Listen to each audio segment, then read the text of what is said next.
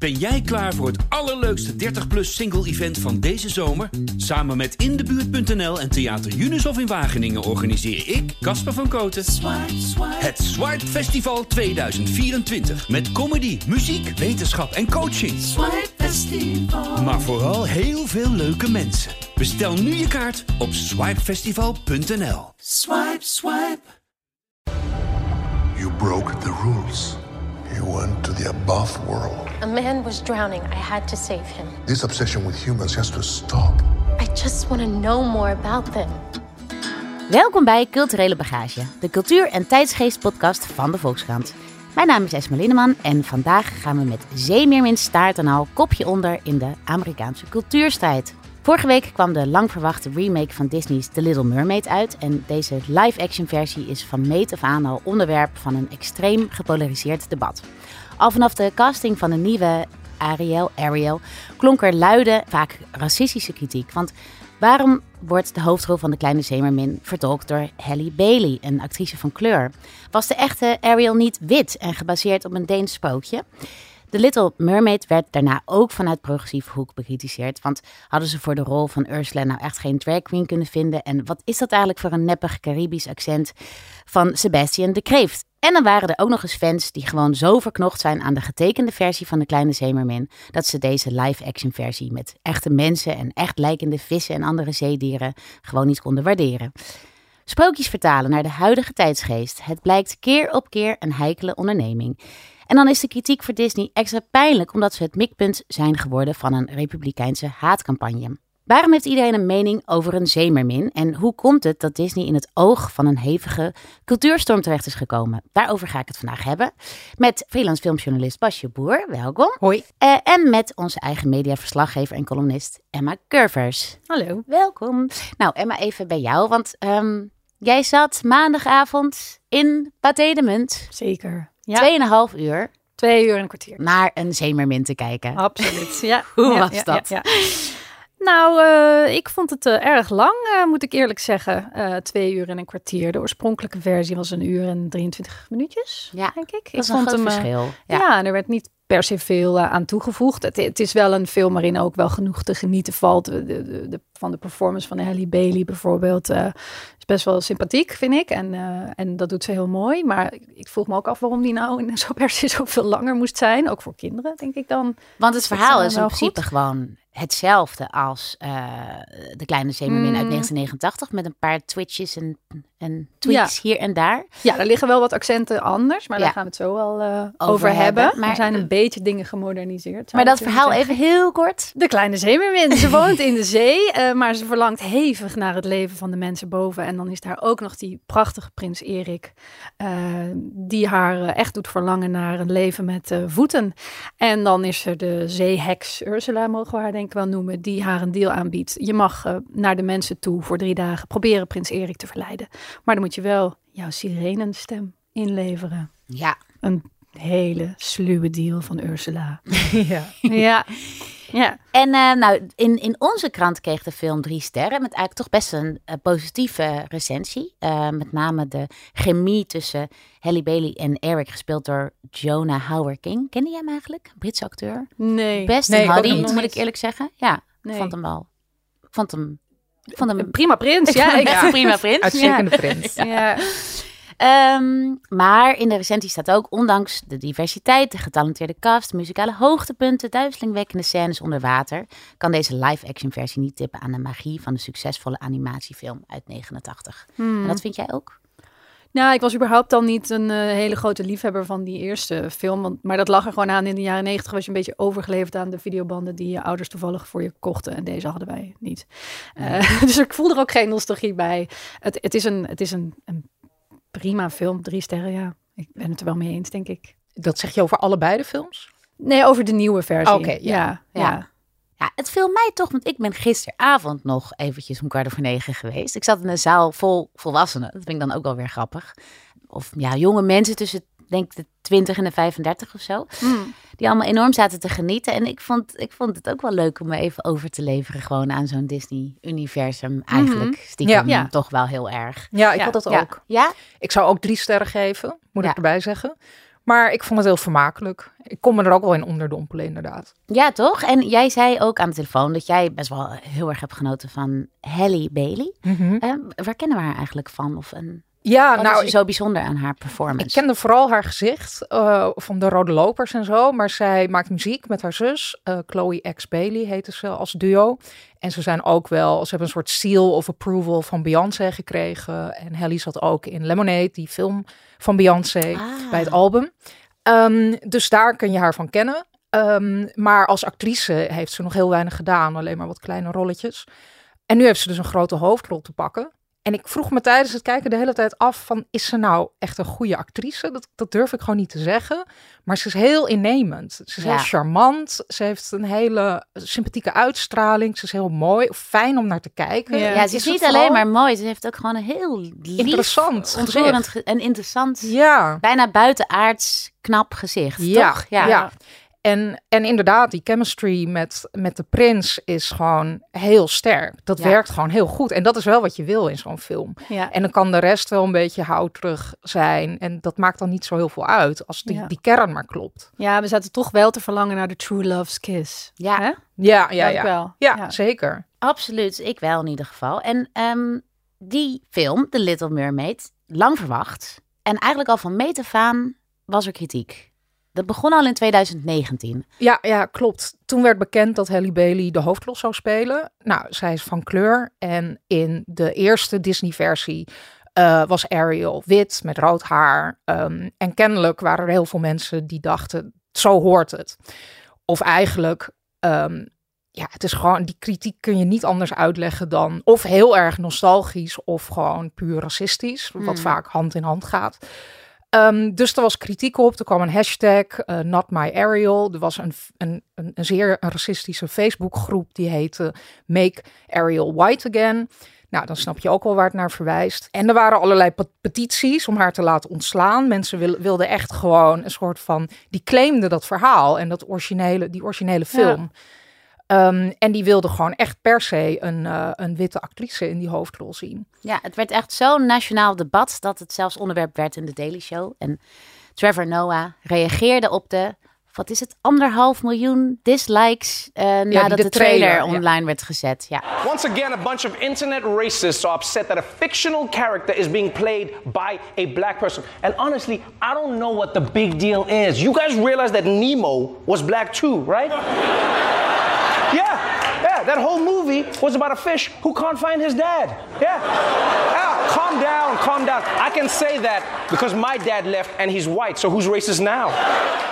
Nou ja, heel veel van dit soort grappige rollen en ook serieuze debatten over een zeemermin eigenlijk. Ja, Dat ja. is toch best onbegrijpelijk misschien. Ja. Het voornaamste gevoel was eigenlijk van Ariel wordt ons afgepakt, want ze ziet er nu opeens anders uit. Ja, en dat werd dan verpakt in argumenten zoals, nou, het is een remake van de tekenfilmversie. Dat doet Disney wel vaker. En dan zoeken ze altijd een acteur die heel erg lijkt op die tekenfilmversie. Ja. Ja. Of, eh, nou, Hans Christian Andersen, dat is de schrijver van het sprookje waarop het is gebaseerd.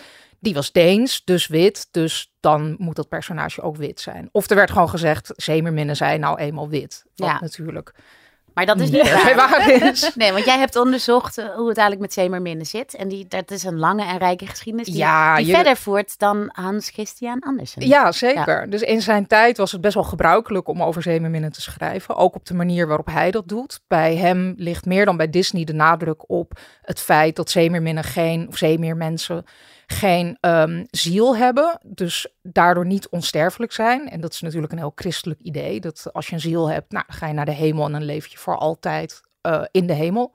Um, maar zeemeermensen hebben dat niet. En nou, de kleine zeemermin kan die verkrijgen via die liefde van die prins. En dat idee zat heel vaak in zeemerminnenverhalen in die tijd. Uh, nou, de kleine zeemermin is geschreven in 1836, uitgegeven een jaar later. Dus in die tijd leefde dat heel sterk. En je had bijvoorbeeld Undine, dat is een novelle uit 1811, geschreven door de Duitse Friedrich de la Motte Fouquet. Um, en dat is een soortgelijk verhaal.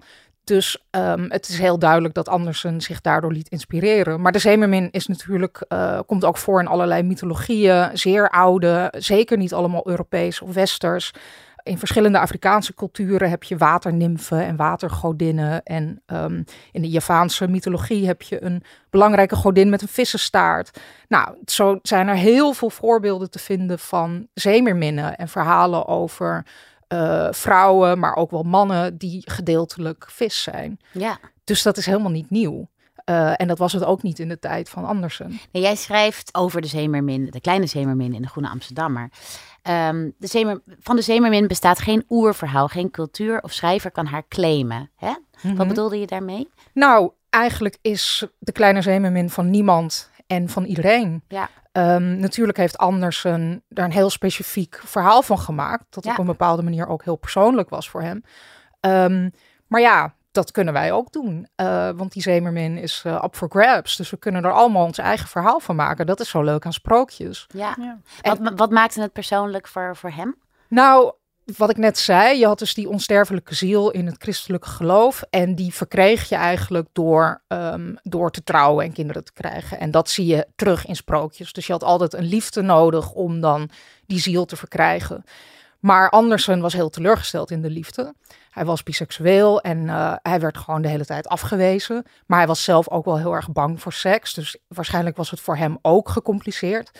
Dus hij dacht, hoe moet ik dan die ziel verkrijgen? En hij besloot zich helemaal te storten op de kunst. En op die manier onsterfelijk te worden. En dat gebeurt eigenlijk ook in zijn versie van De Kleine Zeemermin. In die versie wordt zij, um, uh, wordt zij afgewezen door de prins eigenlijk. Ja. En dan is er een soort andere manier waarop ze toch die ziel kan verkrijgen. Door allerlei goede daden te doen als een soort van...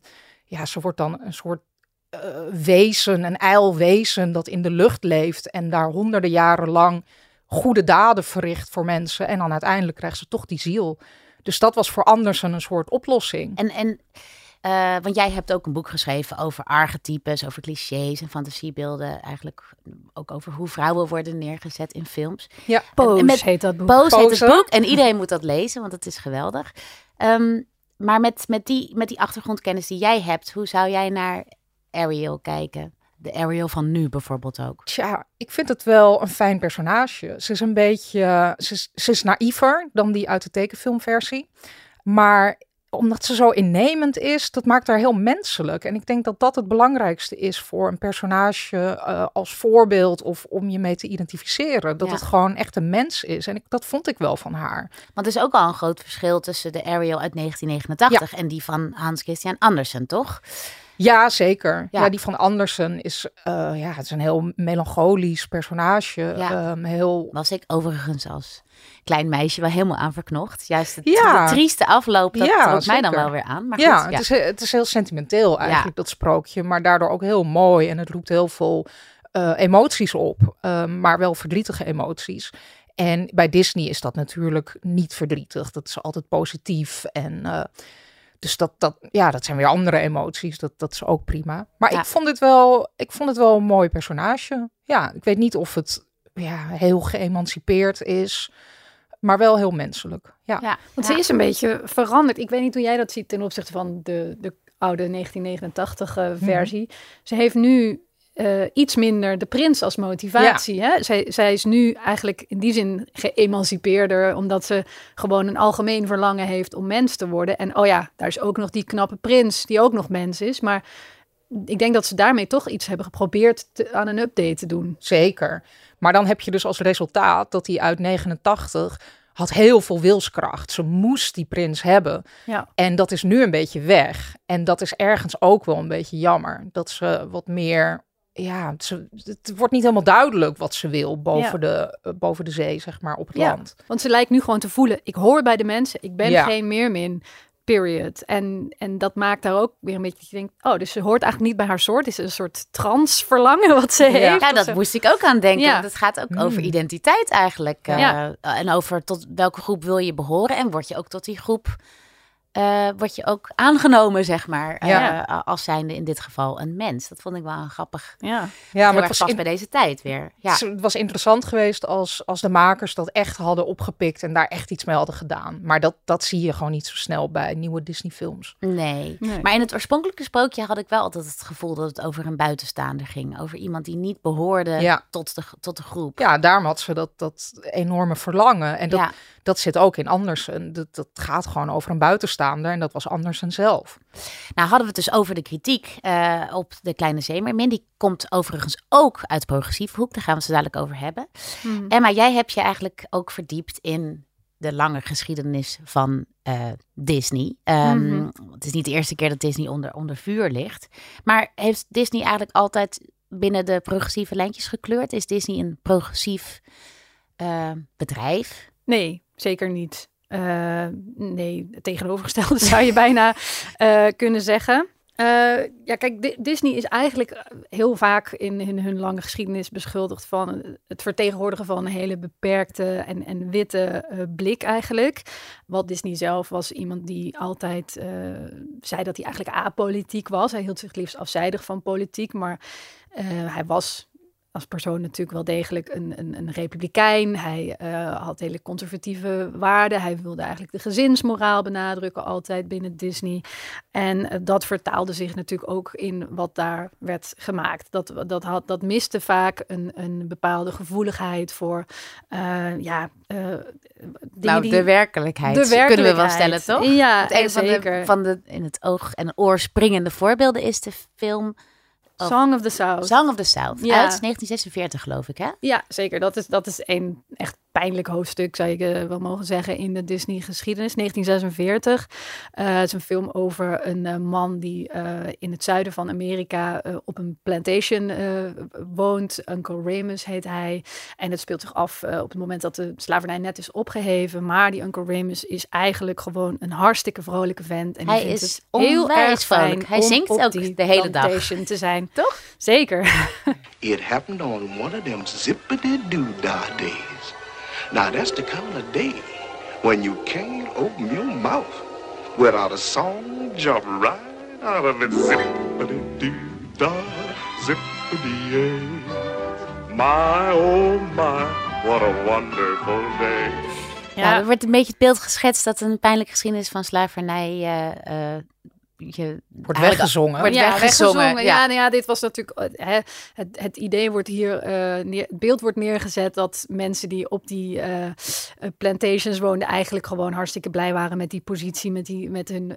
Met die geknechte positie. En dat was natuurlijk onwijs kwalijk. Eh, ook al in de tijd dat de film verscheen, was het heel omstreden. Eh, belangrijke zwarte Amerikanen spraken zich daartegen uit. Organisaties spraken zich daartegen uit. Ehm, maar ja, goed, die, die film die kwam er toch. En bij Disney werd daar geen eh, probleem in gezien. En, en, en eh, die film is hele lange tijd nog eh, te zien geweest. Terwijl ja, bijvoorbeeld de, de hoofdrolspeler James Baskett, eh, die er later ook een Oscar voor heeft gewonnen, mocht niet eens op de première komen in de staat waar de film zich afspeelde, in Atlanta. Hè? Want daar gold toen nog de rassensegregatie. Dat zijn natuurlijk hele... ja, onwijs pijnlijke hoofdstukken. En eh, inmiddels kun je Song of the South ook eh, niet meer zien. Nee, want Disney heeft het eigenlijk uit haar catalogus gehaald, hè? Ja, ja. ja, toen Disney een streaming service eh, begon, was dat voor hen wel gelegenheid om eens te kijken van, god, wat hebben we eigenlijk allemaal eh, gemaakt er over die jaren heen. En kijken, toen kwamen ja. ze toch wel tot de conclusie dat een aantal dingen echt niet meer, meer konden. Eh, Ja. Sommige dingen hebben ook een waarschuwing gekregen hè, van ehm, negative depictions and or mistreatment of people or cultures zitten in deze film. Hè. En dan wordt gewaarschuwd voor stereotypen.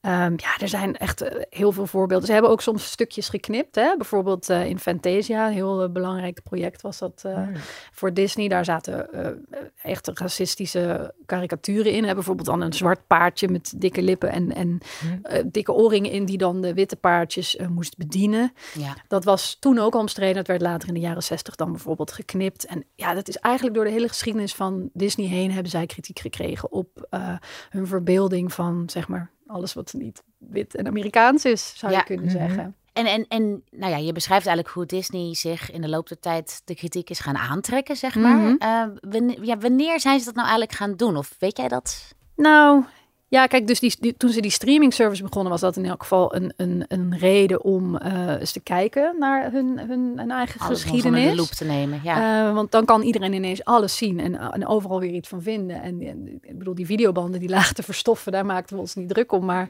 ja. als je dat dan ineens weer terugziet. Maar het is gewoon pure angst natuurlijk. En, ja. en vanuit commerciële motieven. En niet omdat ze zelf vinden dat het niet meer kan. Het is gewoon, uh, we denken dat het publiek vindt dat het niet meer kan. Ja, ja. Kijk, en voor, voor een groot bedrijf als Disney kan ik me voorstellen dat het heel prettig is om uit een cultuuroorlog te blijven. Door hier en daar wat aan te passen, maar toch ja. ook weer niet te veel uh, rugbaarheid te geven aan progressieve ideeën. Klopt maar dat, kan dus niet meer. En dat kan niet meer. Dat kun je, als corporation tegenwoordig niet meer doen. En het is echt ook van bij Disney, ook van binnenuit, van onderop, uh, is de verandering ook afgedwongen. Hè? Ja. En ik denk dat uh, de strijd die momenteel gaande is, dus tussen gouverneur Ron DeSantis en Disney daar een hele grote rol in speelt. Kun jij daar iets over vertellen? En... Ja, zeker. Dus eigenlijk in datzelfde jaar waarin al die, die, die trailer van Halle Bailey zoveel losmaakte en, en mensen al heel veel kritiek hadden op Disney, uh, omdat ze ineens aan de zaakjes woke casting uh, zouden doen, uh, werd in, um, in Amerika, in Florida, de staat waar Disney World zit, door gouverneur Ron DeSantis, een republikein, de, een nieuwe wet aangekondigd. Dat was de Parental Rights in Education Act, die eigenlijk verbood dat er op basisscholen tot, ik geloof, groep 6 uh, les zou worden gegeven over uh, ja, seksualiteit of uh, genderidentiteit. Seksuele voorkeur, ja. genderidentiteit. Want hè? die wet die is beter bekend onder de Don't, Don't Say Gay, wet, toch? Ja, ja, dat is daar waar je op doelt. Ja, die wet die, die is ook inmiddels doorgekomen. Dat ik begreep dat die zelfs nu voor middelbare scholen ook gold. Ja, ja die willen ze ook verder uitbreiden en zo. Ja. Um, en uh, die wet lag bij Democraten sowieso gevoelig. Die werd haatdragend genoemd, ook door Joe Biden. Maar ook de werknemers, vooral die bij Pixar, zijn toen in verzet gekomen.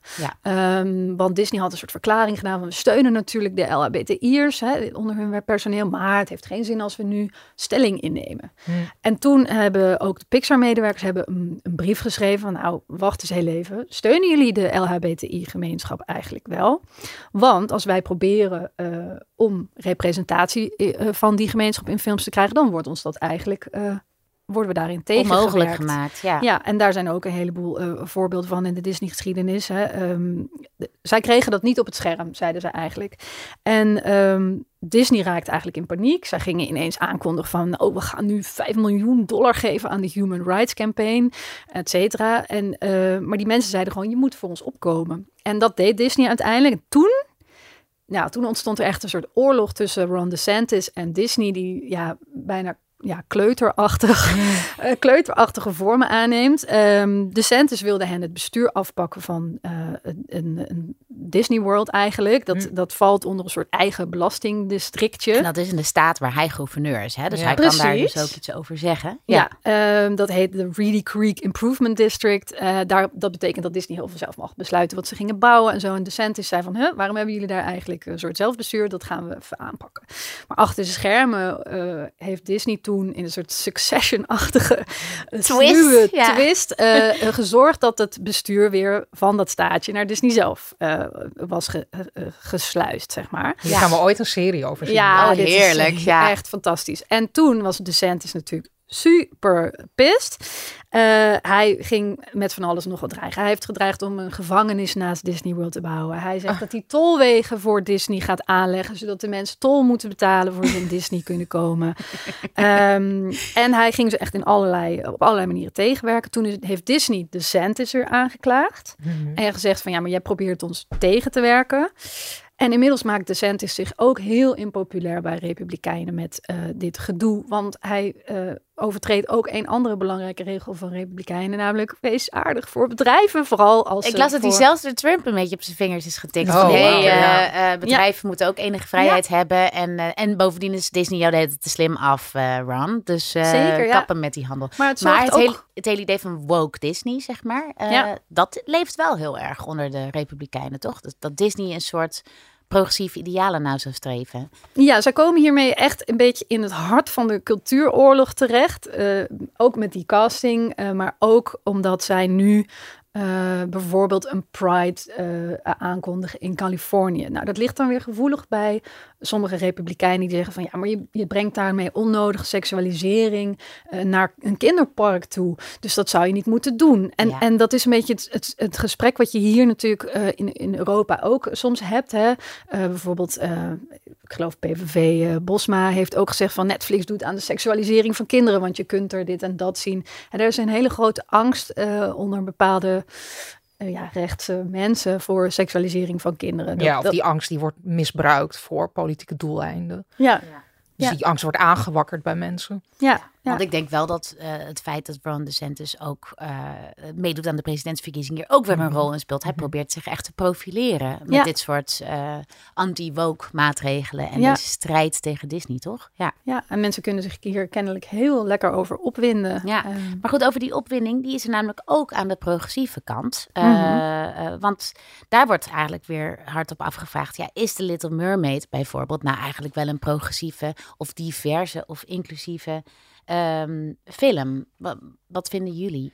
Ja, het is er heel erg aangeplakt. Ja. Het, is niet, mm. het komt niet van binnenuit. Het, je voelt dat er niet iemand achter zat of mensen, verschillende mensen die zeggen van dit is het verhaal dat verteld moet worden vanuit een progressief idee. Ja. Het is gewoon, ja, er zijn wat tweaks geweest inderdaad en wat, wat nou, aanpassingjes en de casting natuurlijk, waardoor het door kan gaan voor quote-unquote woke. Mm -hmm. um, dus het is een beetje wokewashing. Ja.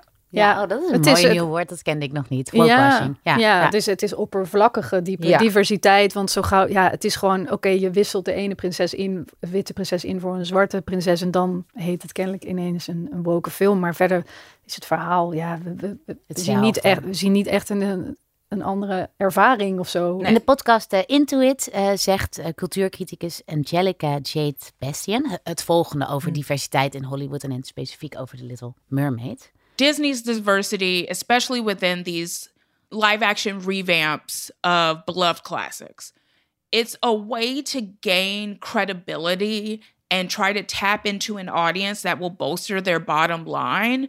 But artistically, the dynamics of this casting doesn't influence anything within the story. Also, side note, mm-hmm. if they gave a fuck mm-hmm. enough about diversity, they'd get an actual Caribbean person to voice Sebastian. Ja, ja er was ook veel kritiek op de krap. Ja. Uh, die uh, uh, mm-hmm. een Caribisch accent, maar niet gespeeld werd door iemand vanuit de Cariben, zeg maar. Ehm, ja.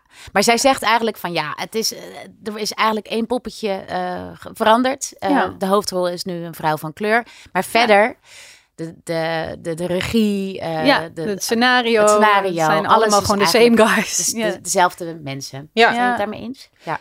Ja, maar ik weet ook niet of je dat echt kunt verwachten van zo'n nee. grote Disney-film. Nee. Er moeten gewoon films naast bestaan waarin dat gebeurt. Ja, ja, kijk, Disney zal altijd een hele soort van fine line proberen te bewandelen. Ja, tussen net genoeg doen aan diversiteit om nog om niet door de, de mensen die hevig nostalgische verlangens en hele conservatieve beelden hebben uh, af te stoten. Maar net genoeg een nieuw publiek aan. Ze, ze bewegen achter de trend aan. Ja, en uh, ze zullen nooit hele uitgesproken progressieve standpunten innemen of hele eh, nieuwe uh, dingen laten zien. Want dat is gewoon te riskant. Ja. Maar daardoor is het resultaat, zei jij ook Pasje, um, wel uh, wat verkrampt eigenlijk, toch? Ja. Waar je naar kijkt is gewoon een soort 2,5 uur durend, of twee uur en een kwartier durend compromis tussen twee, uh, twee kampen eigenlijk, ja. om maar zo te zeggen. Ja. Toch? Nee, absoluut. Dat voel je als je de film kijkt.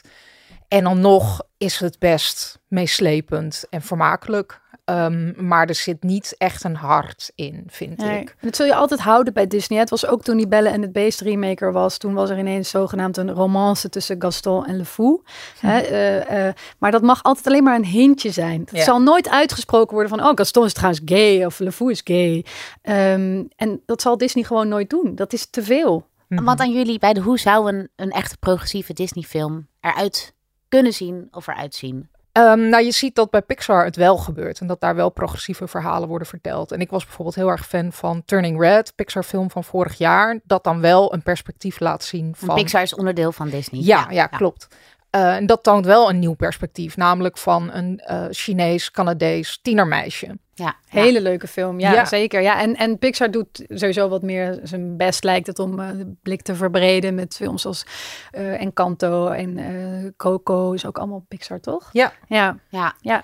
En wat, mij, wat ik ook nog wel even wil zeggen, en wat ik veel terug heb gezien in, in positieve recensies en feedback over The Little Mermaid, is dat het voor meisjes van kleur toch wel ontzettend belangrijk en fijn is om nu eindelijk weer eens een prinses van kleur te hebben. Toch, Mhm. Emma? Want jij hebt daar ook allerlei ontroerende TikTok-filmpjes over gezien. Ja, zeker. in, Ja. in diezelfde tijd dat die trailer voor zoveel ophef zorgde, had je ook aan de andere kant een soort golfje van eh, TikTok-video's van ouders die de reactie filmden van hun kind op de trailer. En toen zag je, ja, heel aandoenlijk, echt allemaal meisjes die zeiden van, oh, mommy, she's black, weet je, ze ziet eruit zoals ik. En dat was, ja, ik vond het heel ontroerend. Ja. ja. En wat verwachten jullie nu voor de toekomst? Want het lijkt er dus op dat Disney nog meer in de kern van deze strijd, waar, waar Disney helemaal niet wil zijn, terechtkomt. Dat betekent ook dat ze kleur moeten bekennen. Net genoeg kleur. Ja, dat is het gewoon. Ik denk dat heel precies wordt berekend hoe ver je kunt gaan in welke tijd. Ja. Ja. The Little Mermaid draait nu in de bioscopen. Ik raad hem toch stiekem wel aan als je een avond heerlijk wil wegzwijmelen. Dank jullie wel voor jullie komst naar de studio. Dit was Culturele Bagage. Montage en redactie worden gedaan door Timon Haagman. Eindredactie door Corine van Duin. En wil je de Volkskrant nou steunen? Ga dan voor een abonnement naar www.volkskrant.nl